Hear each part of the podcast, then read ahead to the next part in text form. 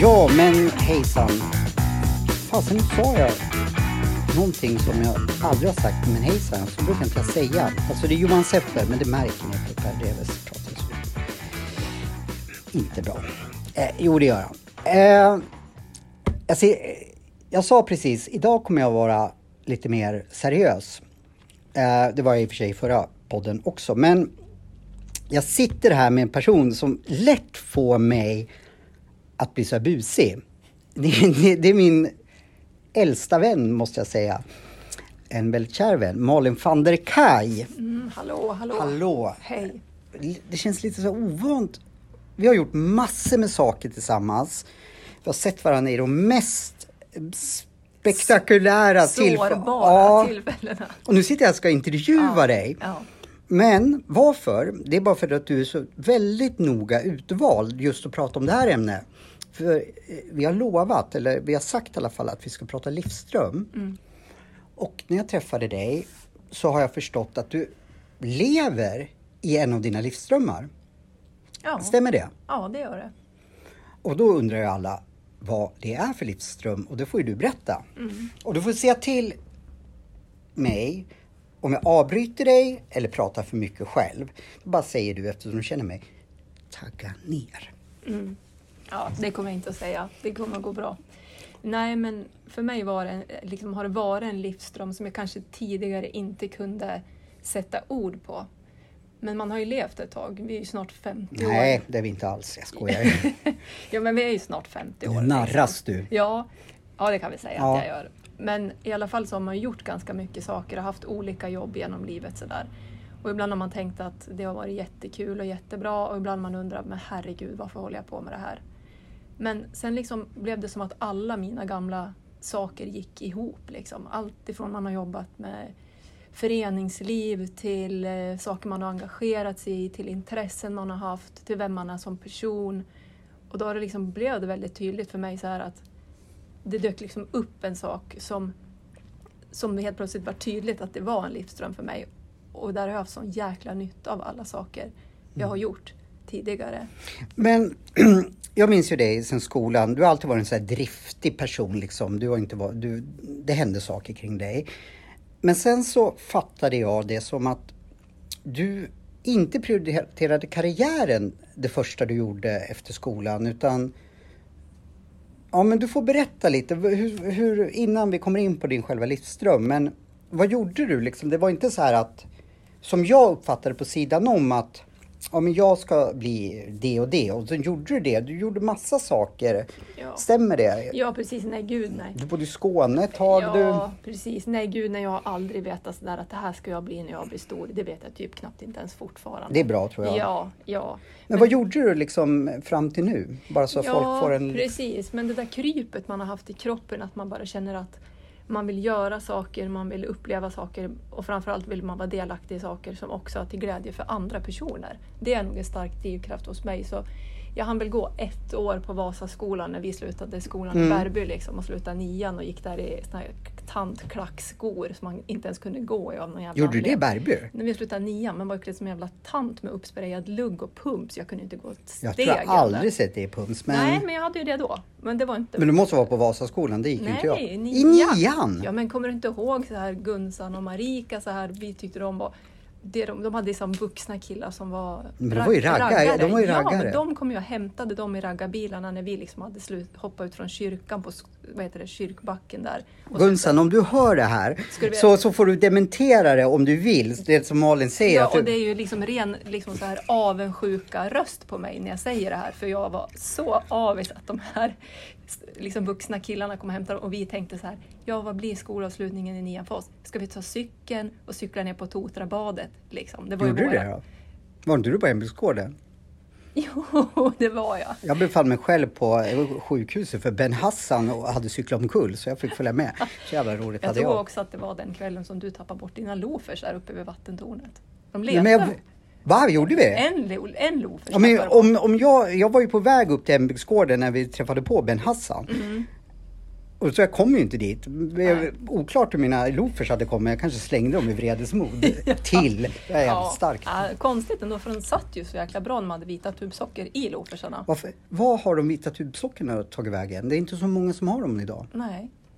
Alla hade synd. förr. Alla hade förr. Det var liksom fyrkantig sydd söm längst fram och så var de ofta noppriga liksom. Varför finns inte vita tubsockor för? Ja. Eller finns de? Det är det som...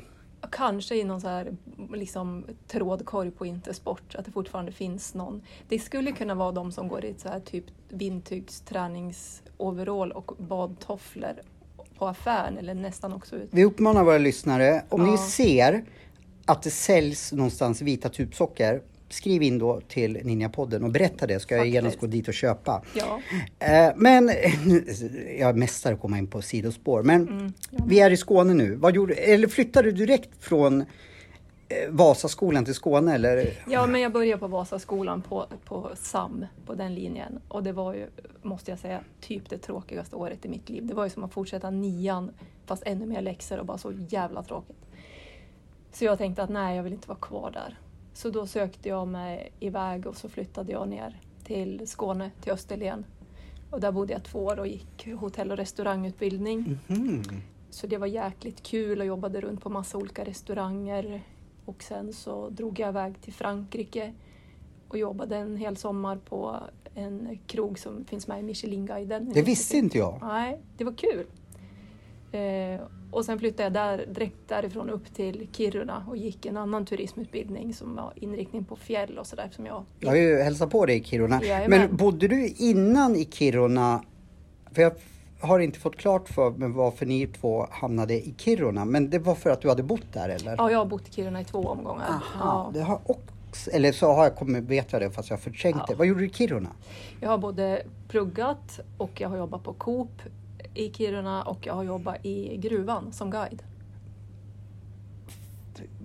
Vad kul att jag får podda med dig. Jag hade ingen aning om det. Nej, det är sånt där som jag bara, litet esse i armfickan som jag drar fram. Bara, nej, men det var Så du faktiskt var i gruvan alltså? Faktiskt, hela busslaster satt man där med liksom hjälm. Så, Det hade inte jag en aning om. Och det här är ju också en sån sak som är så typiskt ibland. Hur, alltså jag gillar ju den sidan hos mig själv, men den är ju också lömsk för att den ställer ju till det för mig. Jag Hur fick, då? jo, men jag fick jobbet. Och då sa han som ägde turistbyrån i Kiruna att kan du både tyska, franska och spanska, liksom och engelska? Ja, sa jag. Så jag också. Ja. Och då pluggade jag in, liksom, det var flera sidor med informationer från att liksom, det finns typ 70 mil asfalterad väg i gruvan, alla jobbar under jord, här finns det här, de här djuren finns i en gruva, alltså allt det man skulle plugga in.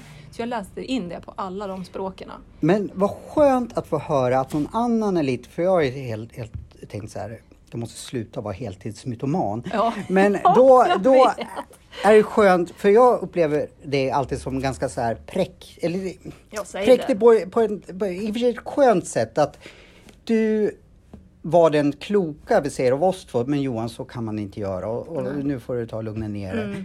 Men det är skönt att få höra att även solen har sina fläckar. Det var så Jajamän. jag menar. Ja, det är bra. Men jag tror i vilket fall att det är helt rätt att våga saker som man egentligen, och då måste man kanske vi säger, ta till en vit lögn för att nå dit. Det kan man verkligen du kalla pluggar en ju på det där, liksom. Det gjorde jag och sen kunde jag ju inte svara på en enda fråga när de till exempel frågade tillbaka någonting på tyska. Det inte... Men de tyckte mest att det var kul. Jag förstår det. För jag hade också tränat in frasen så här att jag ber om ursäkt typ, men jag har bara liksom, liksom fuskat och läst, liksom lärt mig allt det här utan till och då tyckte de liksom att jag var ännu gulligare liten guide Ja, med det. plasthjälmen på sned. Liksom. Jag tycker du kunde sagt ta reda på själv, det är din jäkel. Jag googlade, Ja, hade man kunnat sagt nu, men Fanns det kunde Google. man inte på, den, gamla på den tiden. Nej. Nej, det visste jag inte. Men då är vi i Kiruna. Mm. Och det hade inte jag en aning om. Men vad, vad hände sen då? Ja, vad hände sen? Sen flyttade jag nog tillbaka till Gävle. För då träffade jag ju våran gemensamma, Ja. vi var ju en liten Trojka. trojka vi tre, Johan och Johan och Malin. Mm. Och jag blev ju ihop med Johan där och drog hem. Och sen liksom gick jag in i en tid sådär när jag gifte mig och fick barn och verkligen prioriterade det. Och det är jag väldigt glad för. Det jag vill komma in på, det är det din, dina, liksom att jag förknippar kyrkan med dig. Mm. Inte att du är kristen så mycket kanske så, men att du har jobbat mycket inom Mm. kyrkan liksom. Och vi sitter ju här på Musikhuset, eh, om vi inte har sagt det. Hur, liksom, vad, vad, vad gjorde du med kyrkan och liksom för mig är Musikhuset någonting helt annat än kyrkan. Eller i och för sig, det heter ju Sjömanskyrkan så det kanske är liknande. Det var det jag var lite... Mm. Fast det är inte stor skillnad. Vet, förutom att jag jobbar mycket sådär inom restaurang och hoppar in på olika saker, olika projekt och sådär. Så är det, alltså, som en röd tråd så är det ju att mina heltidsanställningar, det har jag alltid haft ända sedan vi var inom ideella organisationer.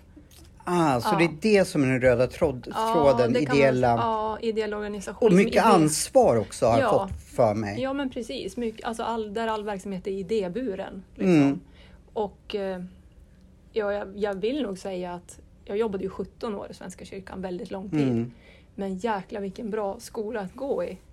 Jag har inte jobbat så mycket inom, eller jag har inte jobbat alls inom ideell, men jag får för mig att man måste vara väldigt duktig då, för oftast inom, det är en fördom kanske, men så saknas det pengar, därför det heter ideella saker, liksom att folk gör det frivilligt. Och då måste man vara så mycket duktigare än sådana som Moa då, som bara jobbar liksom inom det kommersiella där man oftast har en påse pengar och eh, röra sig med.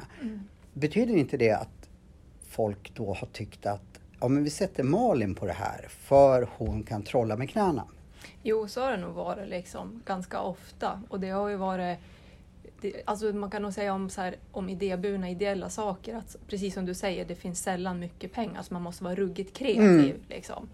Eh, och, men det roliga är ju å andra sidan tycker jag med den här branschen eller världen, liksom, det är att det är kort, ofta väldigt korta beslutsvägar. Man har mycket eget mandat att liksom skapa den verksamheten man vill se. Men det gör ju också att den blir väldigt sårbar för det är väldigt sällan uppstyrt så här, ja vi har de här kvalitetssystemen, vi har de här renodlade befattningarna, du kör HR och jag kör det här. Här är det bara liksom Malin, kavla upp armarna för det stoppar in toa eller oj nu måste vi skicka in de här viktiga papperna för den här ansökan till eh, Tillväxtverket. Det är ju verkligen högt och lågt, här får man göra allt liksom. Men det låter ju som att det är en otroligt bra skola att jobba med ideella saker. För då får man oftast en helhet. Eh, att du vet då sen om du skulle hamna på en annan plats att ja men vi måste, eftersom du har liksom haft allt ifrån att göra ren avloppet till att göra det och det. Då får ju du en stor bredd och Ja. kunna använda det i kommande saker. Ja, absolut. Och det, är ju, det finns ju liksom ingen skola i, i världen, ska jag inte säga, men det finns ju ingen skola där man kan gå där man kan säga så här, ja, här ska vi gå och lära oss hur man blir eh, chef på ett musikhus till Mm. exempel. Det kan du inte. För du måste liksom ha hela bilden klar för dig, kanske med hela föreningsliv, folkbildningsdel, du behöver ekonomi, du behöver liksom verksam... Alltså du måste ha hela tanken med verksamhetsutveckling med dig i precis allt du gör. Och när man kommer in i så här, att det räcker att du går på Dollarstore så ser du, ja, inte vet jag, någon liten hög med Tubsocker. Tubso tubsocker säger vi då. Och då kanske du kommer på så att vi kanske ska köra, då kan jag komma på så här, ja vi kör tubsockarns kväll liksom. Och så eh, kör vi någon mat och någon band som spelar och så är det 80-talskväll. Alltså jag, jag ser ju saker överallt som jag tänker, fan det här ska Och det, man har, göra. det kan man säga att du har liksom blivit tvingad till att tänka så för du har inte den här budgeten eller påsen pengar så, så kan man säga lite koka kan- soppa på en så, spik. så kan man säga, men sen är det också så här att alla tävlar ju om vem som ska komma på våra saker. Mm. Liksom. Och är det inte på den nivån, som det verkligen inte är på ett sånt här ställe, det är inte så att det är ett självsärjande grej att nu kommer Henrik Schyffert och vet att det är utsålt oavsett hur mycket jag anstränger mig eller inte. Exakt, det, är- det är det här som jag ser som en styrka i ditt jobb att du tävlar ju, även fast du då kanske har mindre resurser än stället B, som, men du konkurrerar med stället Bs för folk tänker inte, ja men vi går till, eh, till ditt ställe bara för de har ju så knappt, om ni nu har knappar, det vet inte jag någonting om, men förstår du vad jag menar? Det har vi förmodligen. Ja, men så måste ju du bli tvingad, så du kan inte bara säga, vi tar det där tubsocksexemplet då, Mm. att tror inte du på tubsocksexemplet så kan du inte köra det för du tävlar på samma villkor Exakt. som ja, i den här staden eh, Gavlerinken eller vad det Ja, nu heter, precis. liksom med massa resurser. Ja. Men då blir du tvingad på något sätt att göra eh, det yttersta fast du kanske, hur ska jag säga, ja, du blir tvingad för det, det, de kraven ställs på dig att Mm. du ändå ska kunna konkurrera med allting annat som har Ja, betydelse. men så blir det ju. Det är ungefär som att man ska tävla och jag har cykel och du har en Tesla Ja. ungefär. Vi, jag har en verktygslåda som är liksom som en liten ett litet trosskydd i storlek. Och du har liksom Ja, men, släpvagnen med grejer. Och jag tänker, vem ska vinna liksom? men då låter det ju som att fasen, man ska ju börja titta om man vill rekrytera folk i ideella organisationer. För där måste man tvingas eh, att vara så kreativ så man kan tävla på samma villkor som de Mm. stora drakarna som finns runt om en. Det tror jag faktiskt och jag tror att de flesta liksom som har Ja, det är också så här att man, man behöver vara en speciell typ av människa för det är också det finns en otroligt stor frihetsmarginal i de här jobben.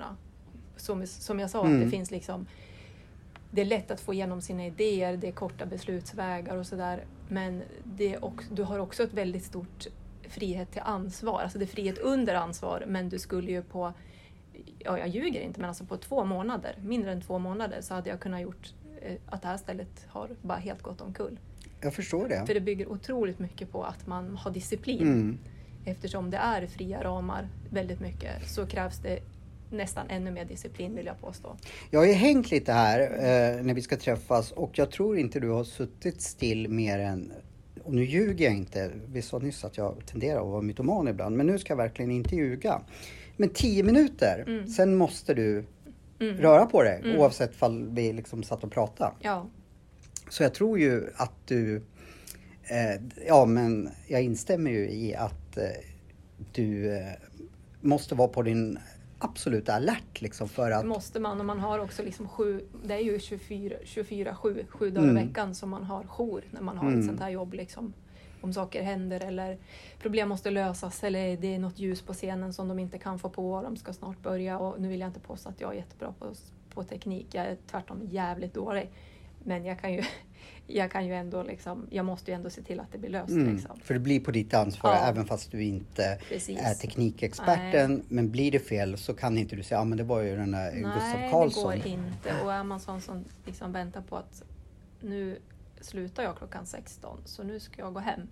Är man någon sån som är van att jobba så, Mm. så då, då ska man inte ens snegla på den här världen för liksom, det, finns, det finns inte vanliga Nej, jobbtider. det. Nej. Men gillar man det så är det super, super kul. Men påminn, varför, varför vi pratar så mycket om just nu, för i, lite senare i podden, efter kanske ett eh, kisspaus, där vi spelar in vår fina jingel, så kommer vi grotta in mer i vad Malin har för tips att förverkliga sin livsdröm eftersom hon lever i en av sina livsdrömmar. Och vad jag förstår, även fast hon får jobba järnet så känner du att du utvecklas. Mm. Eh, och att, så då tror jag att du skulle kunna dela med dig av massor med tips hur folk känner sig. Men nu har jag suttit här på det här jobbet och jag vågar inte ta steget för ekonomiskt eller familjemässigt eller funkar inte. Men att du ska ge lite tips om och Mm. podden, den här podden handlar ju mycket om att förverkliga saker. Så det är därför Malin, som jag anser är en expert på att dela med sig av, av livsströmmar. Men påminner det här om ditt tidigare jobb eh, i kyrkan? Vad jag vill komma fram där liksom att Ja. kastar du dig in i något helt nytt eller kände du att ja men det där påminner mig om det jag tidigare gjort? Men det finns ju många liksom, röda trådar som går igenom. Jag har jobbat som jag sa innan Svenska kyrkan. Vad gjorde du inom Svenska kyrkan? Jag är ansvarig för barn och ungdomsverksamhet och ansvarig för mycket, ja, en del inom diakoni eh, kopplat till dödsfall, begravningar, minnesstunder och sådana saker. Har ju sovit hur många, många nätter som helst, veckotals, på ungdomsläger runt om på lägergårdar i både Sverige och utomlands med konfirmandgrupper och sådär. Mm. Ja, det var ju kul. Eh, Men eh, det, det är ju många saker som är liksom lika. Däremot så kan det ju vara rent handgripligen liksom och jobbar man i kyrkan då är man van med att man tar man morgonbön till exempel. Det har vi inte på musikhuset. Varför då? Det är tråkigt. Men ibland känns det som att det skulle behövas. Ja. Ibland när vi är jävligt pirriga inför något stort som måste klaffa. Då hade man behövt en morgonbön kanske. Nej men sådär, det är ju bara så konkreta exempel som skiljer sig åt men själva arbetssättet är ganska lika. Så när du fick erbjudande om det här, då kände du liksom att ja, men jag har ju gjort liknande saker tidigare så på så sätt blir det inte så stor utmaning. Eller kände du att nu hoppar jag in i något helt nytt men eftersom jag känner dig och har hört dig nu liksom, så tror inte jag att du har så mycket så här, men det här klarar inte jag utan du, förstår du frågan? Liksom? Ja, men det var ju några år däremellan också. Det är ju snart tio år sedan, sedan jag slutade i kyrkan, nästan tio år sedan. Sen däremellan har jag jobbat som verksamhetsutvecklare inom ABF, eh, inom Gästrikland och Gävle, hela Gävleborg. Och sen har jag jobbat... AB? Det är ett studieförbund? Ja, det är, de äger ju liksom halva föreningen Musikhuset. Eller man kan inte äga en förening men styrelsen är hälften ABF och hälften mm. Vuxenskolan. Det här är en ny värld för mig. Eh, så det är därför jag tycker att eh, jag framförallt behöver lära mig. Liksom, men nu tappar jag massa, hör så tappar jag mina lurar. Eh, ABF, ABF.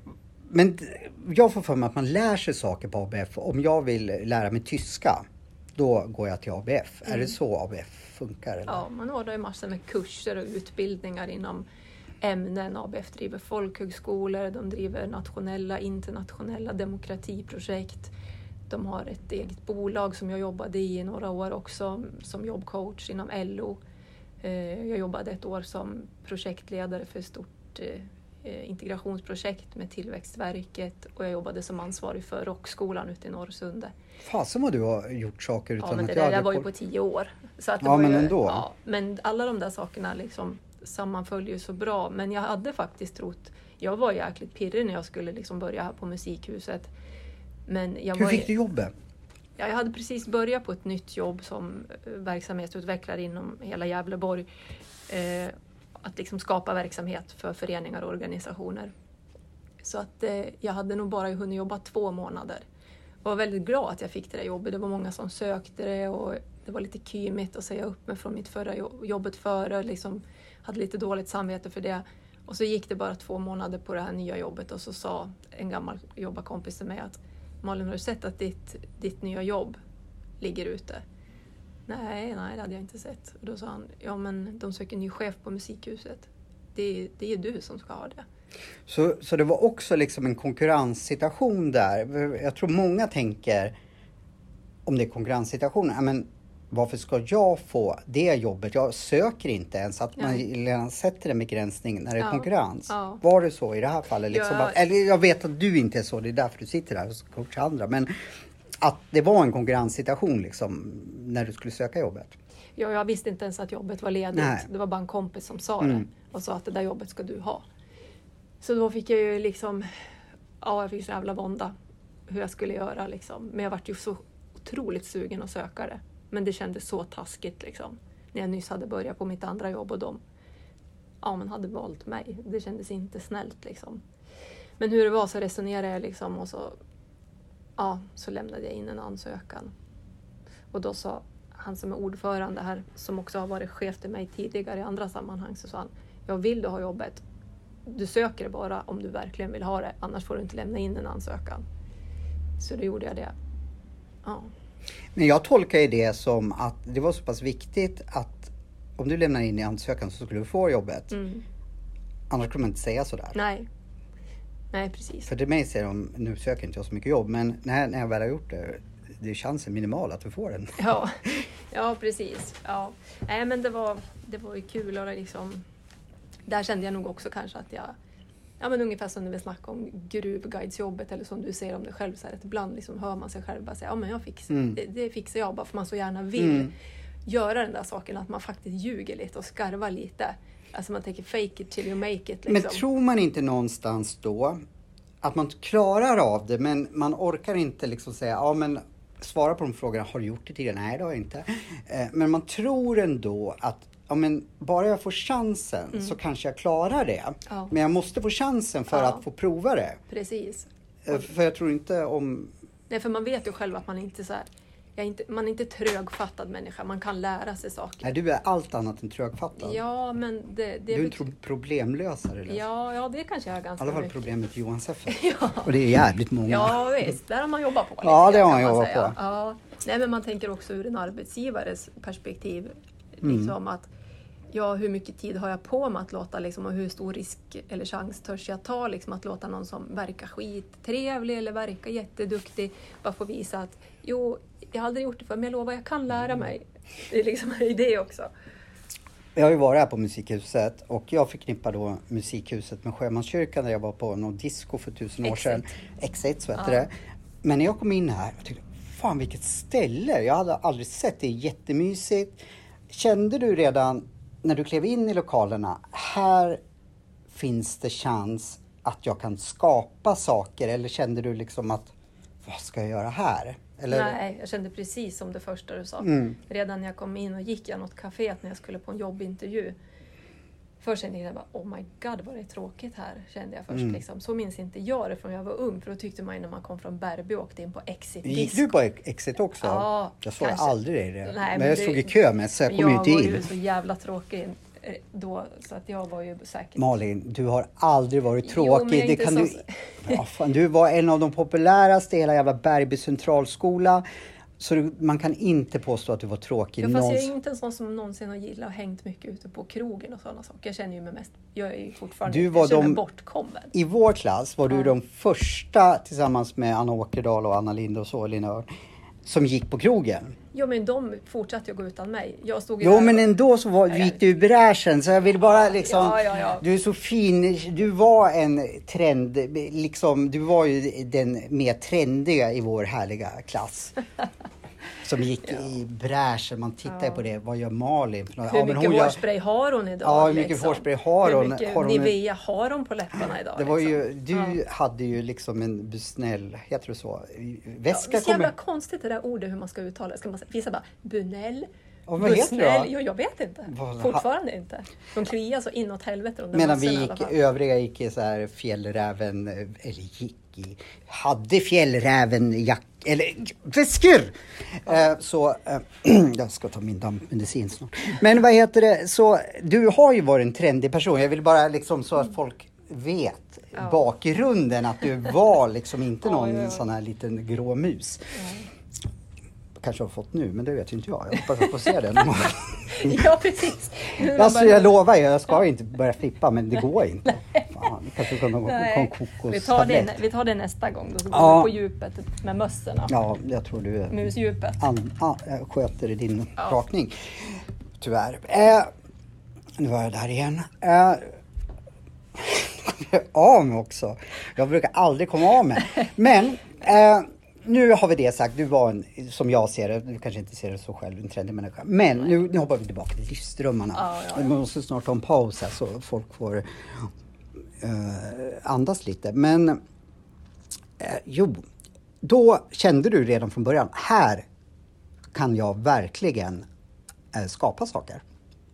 Ja, jag kände direkt att här kan man liksom gå bananas. Allting man kan gö- gör kan bara bli bättre. Och liksom alla som har jobbat... Alltså jag är ju bara inne på en liten hörn av musikhusets historia. Det har funnits i 34 år. Jag är bara liksom en liten flinga på den här tiden och alla som har varit före mig har ju liksom gjort så grymt bra jobb och byggt upp allt det här och har levt i sin tid med förutsättningarna då. Och så sen så ser vi ju alla på saker på olika sätt. Liksom. Man har olika förmåga att kanske ja, men, fördela pengar eller prioritera vad man ska lägga resurserna på. Man kan kanske, liksom, också beroende på hur mycket liksom, energi och ork och idéer man har själv inombords liksom, när man får chansen och har mandatet att faktiskt bestämma vad, vilken verksamhet man ska bedriva. Så när man fick den chansen så då, då tänkte jag att jag ska inte titta på någon annan för då får man bara dåligt självförtroende. Tänker, men gud, vi kommer aldrig kunna bli lika bra som dem och vi kommer inte kunna göra det och vi kommer nog aldrig kunna bli en sån restaurang. Och då tänkte jag, bestämde mig så här skitsnabbt att jag ska inte titta på någon annan för alla de där bra ställena, de finns redan. Vi behöver inte göra ett sånt. Vi får göra vårat och vi, vi har så här lite pengar typ eller vi har de här resurserna. Och det är ingen idé att gå omkring och vara sur eller vara avundsjuk för att inte vi har mer än så utan det är bara, det här har vi, vad kan vi göra med det? Och så gjorde man det här. Kände du från början att dina idéer fick genomslag eller fick du liksom kämpa för att få igenom dem? Alltså i vår egen grupp här i styrelsen och oss som liksom är det lilla klustret Musikhuset med alla våra, liksom, hela vårt nätverk är ju jätte, jättestort liksom. Det är säkert 60-70 andra föreningar, det är arrangörer, det är liksom ideella krafter, volontärer, företagare. Vi har ett väldigt liksom, stort varmt nätverk kan man säga runt Musikhuset. Vi kanske ska berätta lite för de som inte vet då. då. Vad är Musikhuset? Musikhuset är en ideell kultur och musikförening. Så om jag har antingen ett band eller en teatergrupp, då kan jag ta kontakt med er och fråga om jag får repa här eller uppträda. Stämmer det? Eller hur funkar det? Ja, alltså nästan all verksamhet som liksom sker regelbundet här, det är ju i studiecirkelform. Och är man då en förening eller en grupp eller någon person som vill lära ut, eh, vad ska vi hitta på, frigörande dans, säger vi. Ja, det ska jag lära ut. Ja, det är väldigt poppis här jag, faktiskt. Jag har förstått det. De kommer varje vecka, det är stor grupp. Så jag kanske mer ska vara, lära ut magdans. Men, ja, eh, ja, men det har vi ju inte än nej, på, på jag vill, programmet. Jag vill ju vara nu, ny. Snart kanske vi har det. Men om man då, jag vill bara så att folk ja. som känner liksom så här att, ja, men, ja, dels förklara vad musikhus är men även eh, vad, vad skulle min grupp eller vad, ha för nytta av, ja men kan vem som helst, eller vem som helst förstår jag att det inte går, men det här skulle kunna vara en tänkbar spelplats för band, teatrar, danser. Ja, det är det ju. Redan. Men det måste ja. vara någon form av, då måste man, man vara med i ett studieförbund alltså? Nej, man måste inte. Det finns många andra. Det, det jag bara skulle säga är så att om du, om du gör en studiecirkel eller ett kulturarrangemang, vi säger en föreläsning eller en workshop eller någon spelning i folkmusik eller vad det nu är. Liksom. Om du gör det tillsammans med något av studieförbunden, då behöver du inte heller betala någon lokalhyra. Det låter ju jättebra. Ja, ja, och det är liksom det som är det fina och också det som gör att vi vill kämpa så hårt. Att det är så, viktigt att det här huset finns. Liksom. Men om andra kommer in som inte liksom samarbetar med våra föreningar, eh, då kan man hyra det här. Man kan hyra det som privatperson, man kan hyra det som företagare, man kan hyra det som myndighet alla de finns ju liksom som kunder här hos oss. Så när jag firar min typ 30-årsdag då, då, mm. då kan jag hyra det här stället om ja. jag vill ha, nu har inte jag så många kompisar men om jag ska... ta den här lilla enhörningen då, det här lilla mötesrummet för sex personer. Du har ingen lokal för tre personer? Eh, ja, men du kan ta vårt personal, mamma, du och personalrum. Du och jag och Barbro. Precis. Jag får inte nämna mamma i podden, hon skäms. Eh, vi, men, men, då kan... Så, så, det här ska man se som en plattform för, för liksom... För allt inte, i ja, människors liv kan man för säga. jag kan ju inte hyra Läkerol eller Gavlerinken eller vad det nu Nej, heter. det blir lite ödsligt om du bara tre ja, på festen precis. också. Men, men det, finns, det finns lokaler för alla ja, ändamål. det finns det faktiskt. Men det här med studiecirklar blev jag ju nyfiken på. Jag har ju aldrig gjort någon studiecirkel. Men om jag till exempel skulle ha en teatergrupp. Mm. Eh, skulle jag kunna gå till dig då och säga så här, du, jag är, har inga pengar, men om du hjälper mig med att starta en studiecirkel så, så skulle jag kunna vara här med min teatergrupp. Mm. Stämmer mm. det då? Ja, det stämmer, men då kommer jag skicka dig vidare till ABF eller Vuxenskolan, för det är liksom de som administrerar allting och gör en studiecirkel och tar in alla personuppgifter. Mm. Och sen hjälper de till att boka lokaler här och sen är du igång med lilla manuset. Och... För jag tänkte nämligen, och det, nu ska vi prata om dina livsrum, men när jag såg de här lokalerna och sen mm. såg jag faktiskt en banderoll som stod stiga. Det här stämmer ju lite kanske med min livsström. Så i nästa, efter pausen så jag kanske fan ska göra, jag kanske ska göra en studiecirkel till en grej som jag skulle vilja prova. Ja. Men ska vi göra så att vi eh, kör en jingel nu och sen så återkommer vi strax? Ja, det låter bra. Ska vi köra det? Ja. Häng kvar!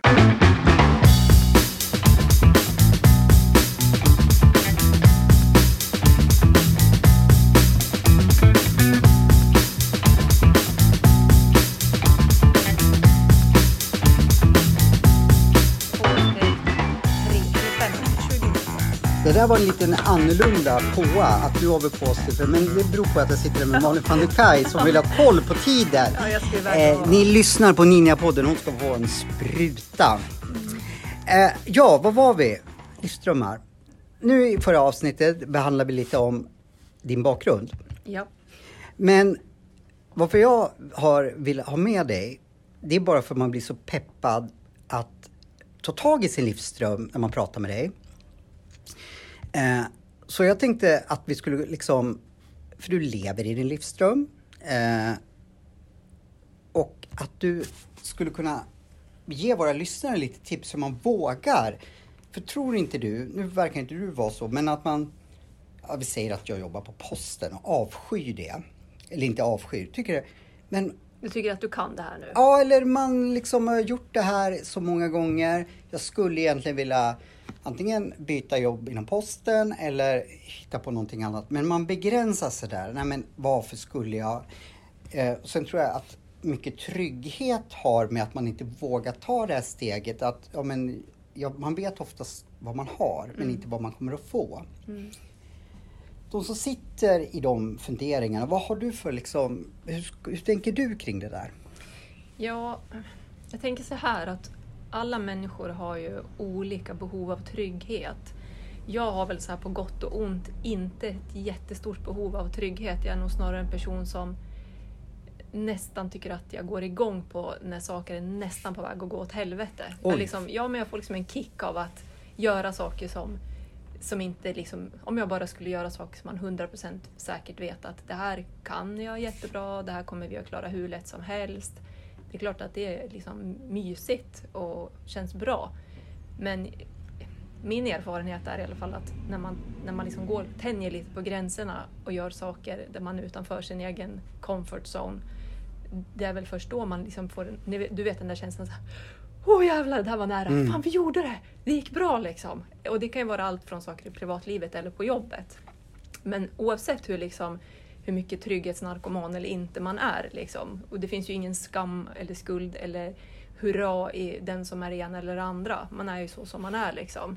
Tror inte du att man, om man vågar göra det, så investerar man i sig själv, sin självkänsla, sitt självförtroende att eh, vågar man inte ta det där steget så även om det går bra eller dåligt så vet man, ja men en gång vågade jag hoppa Precis. till okända. Så det kan ändå vara en investering i att man vågade ta det steget. Ja, verkligen så tänker jag också. Och att allting kom, blir inte bra och det gör ingenting för man tar med sig någonting från precis allting man upplever.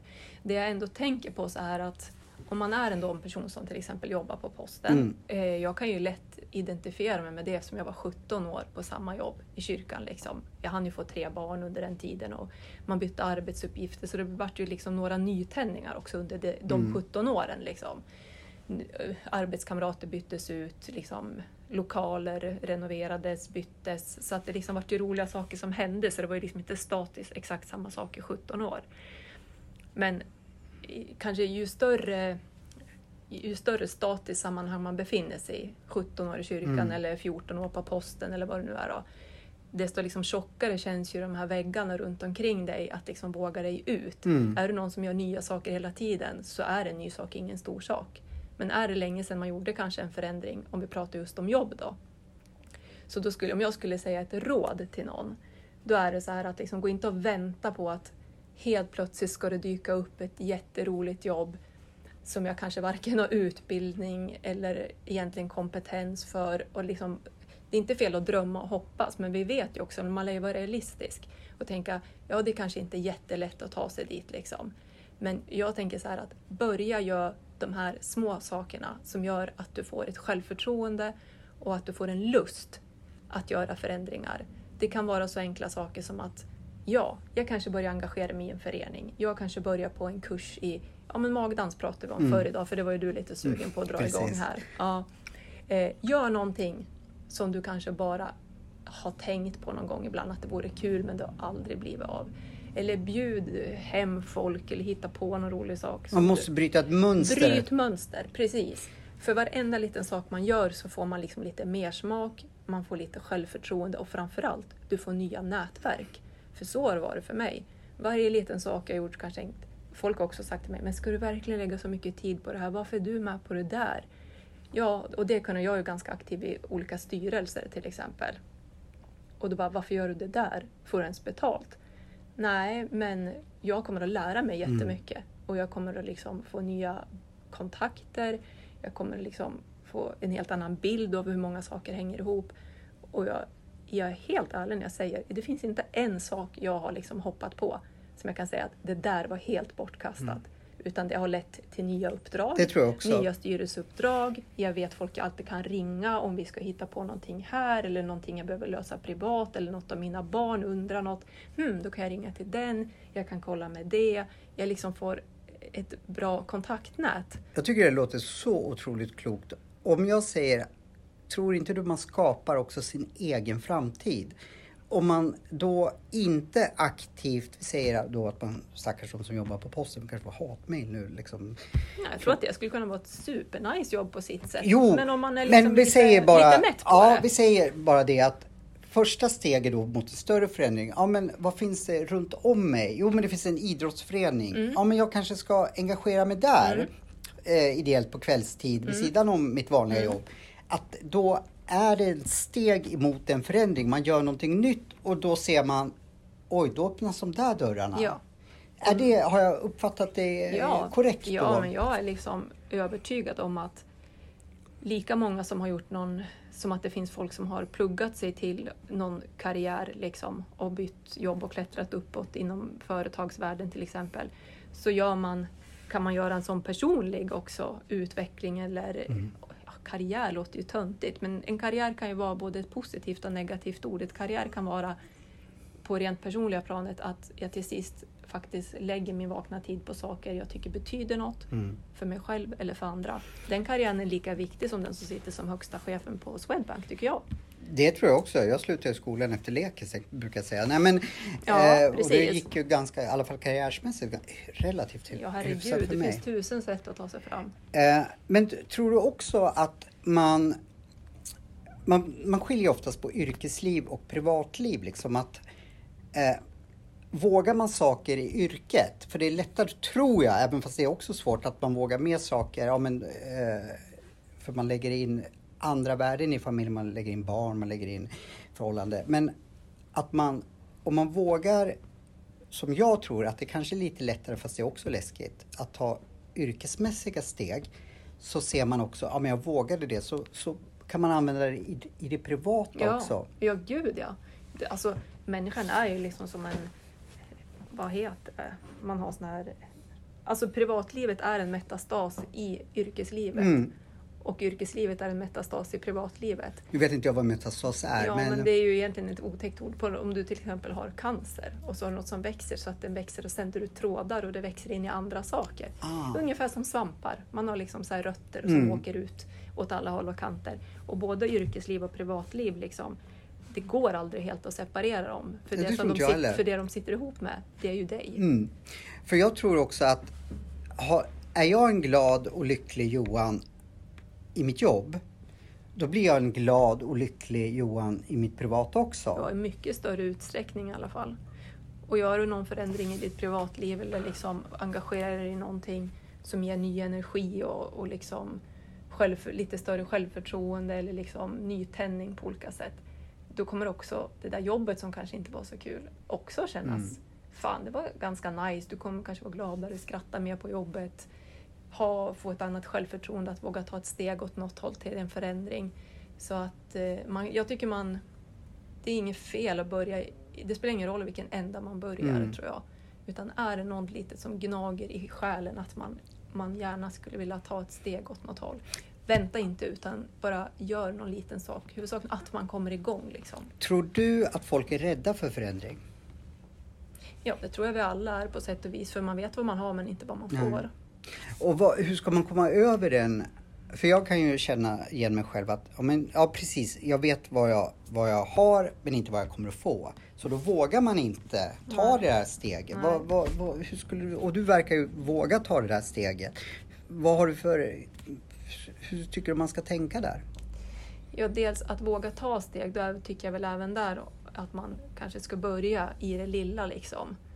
Och, och bilda sig någon, liksom, någon trygghetskänsla i att göra förändringar. Det måste inte vara jättestora saker. Det, det tycker jag man kan börja med. föreningsliv då, ett bra litet steg att ta eller ett stort steg? Eller vad kan man säger. absolut vara. Det kan vara föreningsliv, det kan vara att eh, börja med någon aktivitet. Det kan det ju vara. Där bildar man ju liksom nya kontaktytor.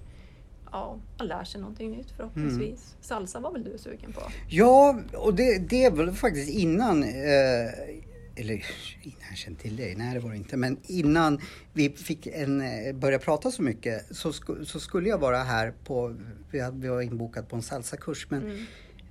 då var det, det är för en månad sedan tror jag, eh, Corona som ställde till det, men nu släpper jag så jag Mm. kommer vara här säkert snart och dansa lite hula hula. Salsa liksom, ja. Fan vad kul. Du får ju säga till när, när du måste pipa iväg för jag glömde bort vad du sa. Mm. Ja. Så, så vi hinner avrunda. Ja. Så att, men skulle inte du kunna lägga ut lite på vår, liksom, lite konkreta tips så man tänker vad var det Malin sa nu då? Mm. Fast du kanske själv skulle ha en studiecirkel i att våga saker. Ja. Ja. Nu har inte du tid med det men, Nej. men eh, ja, det, En annan sak som jag bara kommer på nu medan du Mm. pratar så här, när man pratar om hur man ska göra. Jag tänker också att man måste göra sig fri ifrån det där att, att man alltid ska se resultat eller vinning på en gång med saker. mm, om man kan du ge något konkret exempel? Ja, men ungefär som när jag sa sådär att eh, någon frågar, har du lust att bara komma till oss och hjälpa till med det här? Och så tänker man, ja typ får jag, får jag betalt Mm. eller liksom, ja varför ungefär. Mm. Eller jag hade ju tänkt vara ledig på lördag Mm. eller något sånt där. Ja, om, om man ändå känner sådär, då, då är mitt också ett råd från mig som jag tycker också har hjälpt mig jätte, jättemycket. Nu menar jag inte att man ska liksom sälja ut sig själv eller göra saker mot sin egen vilja, det är inte det det handlar om. Men tänk om man släpper det där att man alltid ska tjäna någonting på allt man gör. Mm. Då kommer liksom kraften i universum att ge dig tillbaka. Det tror jag också. Ja. Och jag tror också att om man tänker utanför boxen. Också. att liksom, vi tror ju båda två tror jag mycket på nätverk. Mm. Liksom. Eh, nu vet inte jag om du sa det här i podden eller när vi pratade på sidan om att allt du har gjort Mm. nästan med styrelser och så så har du byggt upp en otroligt nätverk. Mm. Eh, även inte bara i ditt jobb, liksom, även privat. Ja, men, Ja. eh, jag känner dem, nu Mm. har jag problem med det eller Mm. eh, behöver hjälp av det. Ja, men då ringer jag de personerna. Att man kanske glömmer att tänka så att desto mer jag investerar, ja men föreningsliv eller så, jag bygger nätverk som jag sen kommer ha nytta av Mm. i mitt privatliv eller i mitt yrkesliv. Och man får ju oftast inte betalt i nätverk, men det, det Jo, det får man på sikt eller på, på, Ja, på annat. Men att man precis. tänker lite att ja, men jag får inte eh, pengar för att jag kör mina unga på hockeyträningar. Nej, men du bygger kanske upp ett annat nätverk som du har Och du otroligt stor bygger nytta upp av. en jättebra relation med dina barn som Mm. du någon gång liksom, som, som ligger till som trygghetsgrund och ett kapital i framtiden. Efter du har funnits där och du har Mm. hjälpt till med saker. Så därför menar jag också att du kanske hjälper till eller du kanske står som hjälper till på Brynäs-matcher eller eh, några vill ha hjälp med någonting bland bekanta eller så. Nej, det kanske inte får en krona. Det kanske inte är någon som säger mer än tack eller bjuder på grillad korv. Men sen om kanske några veckor eller några månader kanske någon tänker så du vi skulle behöva folk till det här. Men du, Johan Seffer var med oss. Mm. Fy fasen vad det var roligt. Han var så jäkla duktig att hjälpa till och han liksom var så intresserad. Och, alltså allting leder till saker. Men Det- du, ingen kommer hem och knackar på våran dörr. Det tror jag också. Och just i mitt fall då, då när jag började inom media, började på Radio Stockholm, då fick jag börja koka kaffe. Ja. Det var inte det jag hade suktat efter, men då tänkte jag så här. Jag ska göra det bästa kaffe de Mm. har smakat här och det ska stå varje morgon Mm. de kommer. Oavsett ifall jag aldrig får synas eller får chansen här så ska man åtminstone säga, ja men han gjorde bra kaffe. Precis. Och då, där tror jag att de tänkte liksom, ja men han sköter de här uppgifterna Mm. väldigt bra. Han är lite mogna för lite större. Ja visst, man, ja precis. Och man sänder ju också ut sådana signaler tänker jag att även om du inte får glänsa liksom längst fram så är det ju så att du sänder ju ut signaler så här att du, jag är ingen gnällig människa, jag är en uthållig människa och det spelar ingen roll om jag städar en nerkräkt toalett eller om jag får sitta och göra någonting lite lyxigare. Så jag gör det och jag gör det på ett bra sätt och jag är liksom inte kinkig och inte gnällig utan jag gör det jag ska och jag gör det bra. Har jag, har jag fattat det rätt då att eh, du behöver inte tänka att du måste ha vinning i det första du gör, antingen pengamässigt eller credmässigt, utan gör jag saker, självklart som man gillar, eh, så kan det ge ringa på vattnet. Att det blir större saker som jag, jag tänkte ju liksom Ja, det är mitt, det är mitt liksom egenupplevda. Det är mitt också. När, ja, när det är mitt det. egenupplevda liksom erfarenhet som ligger etta alla kategorier. Mm. Att det är så för att jag tänker så. Jag läste någon gång så här bara något så här talesätt liksom att när man pratar om hur viktigt det här med relationer är. Att tänk på att även den största liksom miljardaffär den slutar med eller börjar med ett handslag. Det är personer Mm. som får förtroende för varandra. Liksom. Förtroende tror jag är Det är jätteviktigt. jätte, jätteviktigt. Och eftersom jag jobbar mycket med skådespelare så får jag frågan så här, och det är tydligen ett drömyrke för många. Hur ska jag göra? Och då brukar jag säga, "Bu- ja men vad är din status nu? Ja men jag har aldrig stått på scen. Man börjar då i en ama- amatörteatergrupp då. Ja. Ja, det, Föreningslivet ja, igen, liksom. Det, det får man inga pengar Ja. för. Ja men det är en bra början. Du får känna hur det känns eh, och så. Men jag tror, när jag säger det, men det var inte det. Jag vill ju, jag vill filma, jag vill ju stå på dina scener. Nej men du måste börja någonstans Ja, liksom. precis. Man måste börja någonstans. Och är man liksom hängiven och man gör sitt bästa så man kommer framåt Mm. och man kommer att liksom känna att saker är roliga och man kommer få ja, ett annat mod att ta ett steg till och ett steg till och ett steg till. Jag fick en idé. När jag blir så inspirerad av dig. Jag blir inspirerad av att vara här på Musikhuset. Skulle inte vi kunna ha en livepodd här? Där vi, där vi bjuder in lyssnare eh, att eh, ja, komma och titta Ja. på oss live. De får ställa frågor. Vi kan i sin tur bjuda in människor som eh, kan svara på frågor som inte vi kan svara på. Mm. Ja, det gör vi. Ska vi göra det? Ja. Kan inte du börja undersöka vad Ja. det finns för möjligheter? För det verkar vara så otroligt mycket kreativa personer. Jag har ju suttit och väntat på dig ganska mycket och, Mm. och då knyter jag nätverk och pratar Där med satt folk. du liksom och nätverk och Mm. kaffe. Precis, Ja. och då bara kommer det fram liksom, ja men jag jobbar med det här och jag tror att det skulle bli jättecoolt. Ja, liksom. ja, vi, vi. gör så här nätverksträffar här. Mm. Vi bygger egna nätverk, så bjuder vi in lyssnare. Och dina kontakter. Och sen så delar liksom, våra lyssnare skulle normalt sett kanske aldrig träffa ditt nätverk liksom, och Nej. tvärtom. Exakt. Fan vad Fy fan, Clever, kom du på vad- det ja. nu du då? Ja. Ja, det vet vi inte. Jag kan ha, ha, ha Tänkt tanken förr. tänkt tanken förr. Men Ja. jag blir, man blir liksom... Det är väldigt kreativa personer här. Det Mm. är rörelse och det är väldigt fina lokaler. Eh, Man blir liksom, oj, här Man vill göra Ja, men här här. vill jag också vara en del utav. Eh, och sen, jag vet inte om jag vågar säga det här, men jag har pratat mycket om, om att man ska förverkliga våra drömmar. Och en gång när jag var här Ja. så hängde en ba- banderoll om ståupp. Ja. Jag skulle nämligen vilja pröva om jag vågar stå på scen. Jag producerar massor med teatrar, filmer eh, och så och tv-program, men jag har aldrig vågat stå framför. Tänker du alltså som stand-up? Typ, eller bara Ja. prova Ja. hur... Jag har stått på scenen i någonting som heter revyn eller vad fan det heter. Ja, men det har man ju. Ja, det har du Va- också. Ja, vad var du för revy?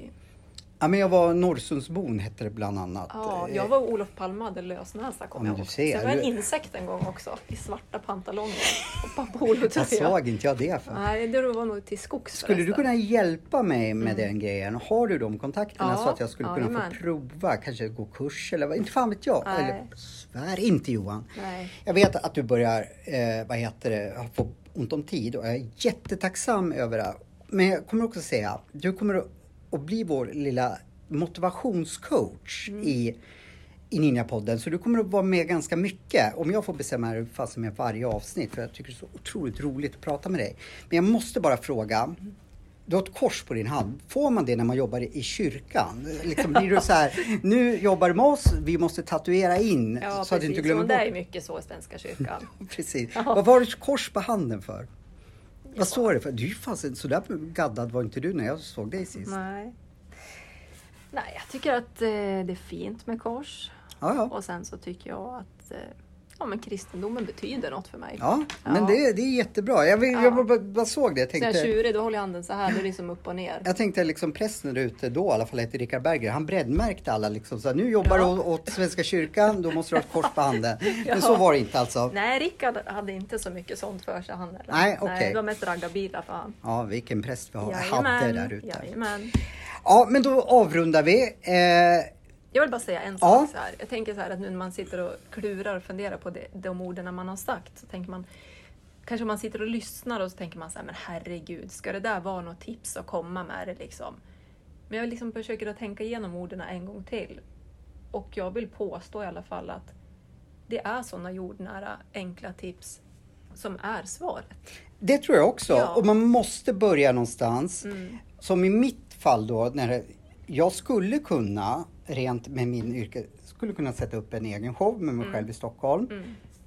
Eh, men jag tror att det är fel väg att börja. Jag måste precis som jag uppmuntra folk att om en prova om du vill bli skådespelare. Gå med i en amatörgrupp till att börja med för att du ska känna, eh, trivs att stå på scen och sådana där saker. Så måste jag börja och kanske gå en kurs eller någonting. Så jag köper ju det. Och det Ja, men och- också att insidan får växa i takt Mm. med det som händer utanför din kropp. Liksom. Sen om det är en sån konkret sak att jag kör buss mellan Norrsundet och Gävle, jag kör 25an liksom, år ut och år in. Fan, jag vill bli sjuksköterska. Ja, då är det inte så mycket att fundera på.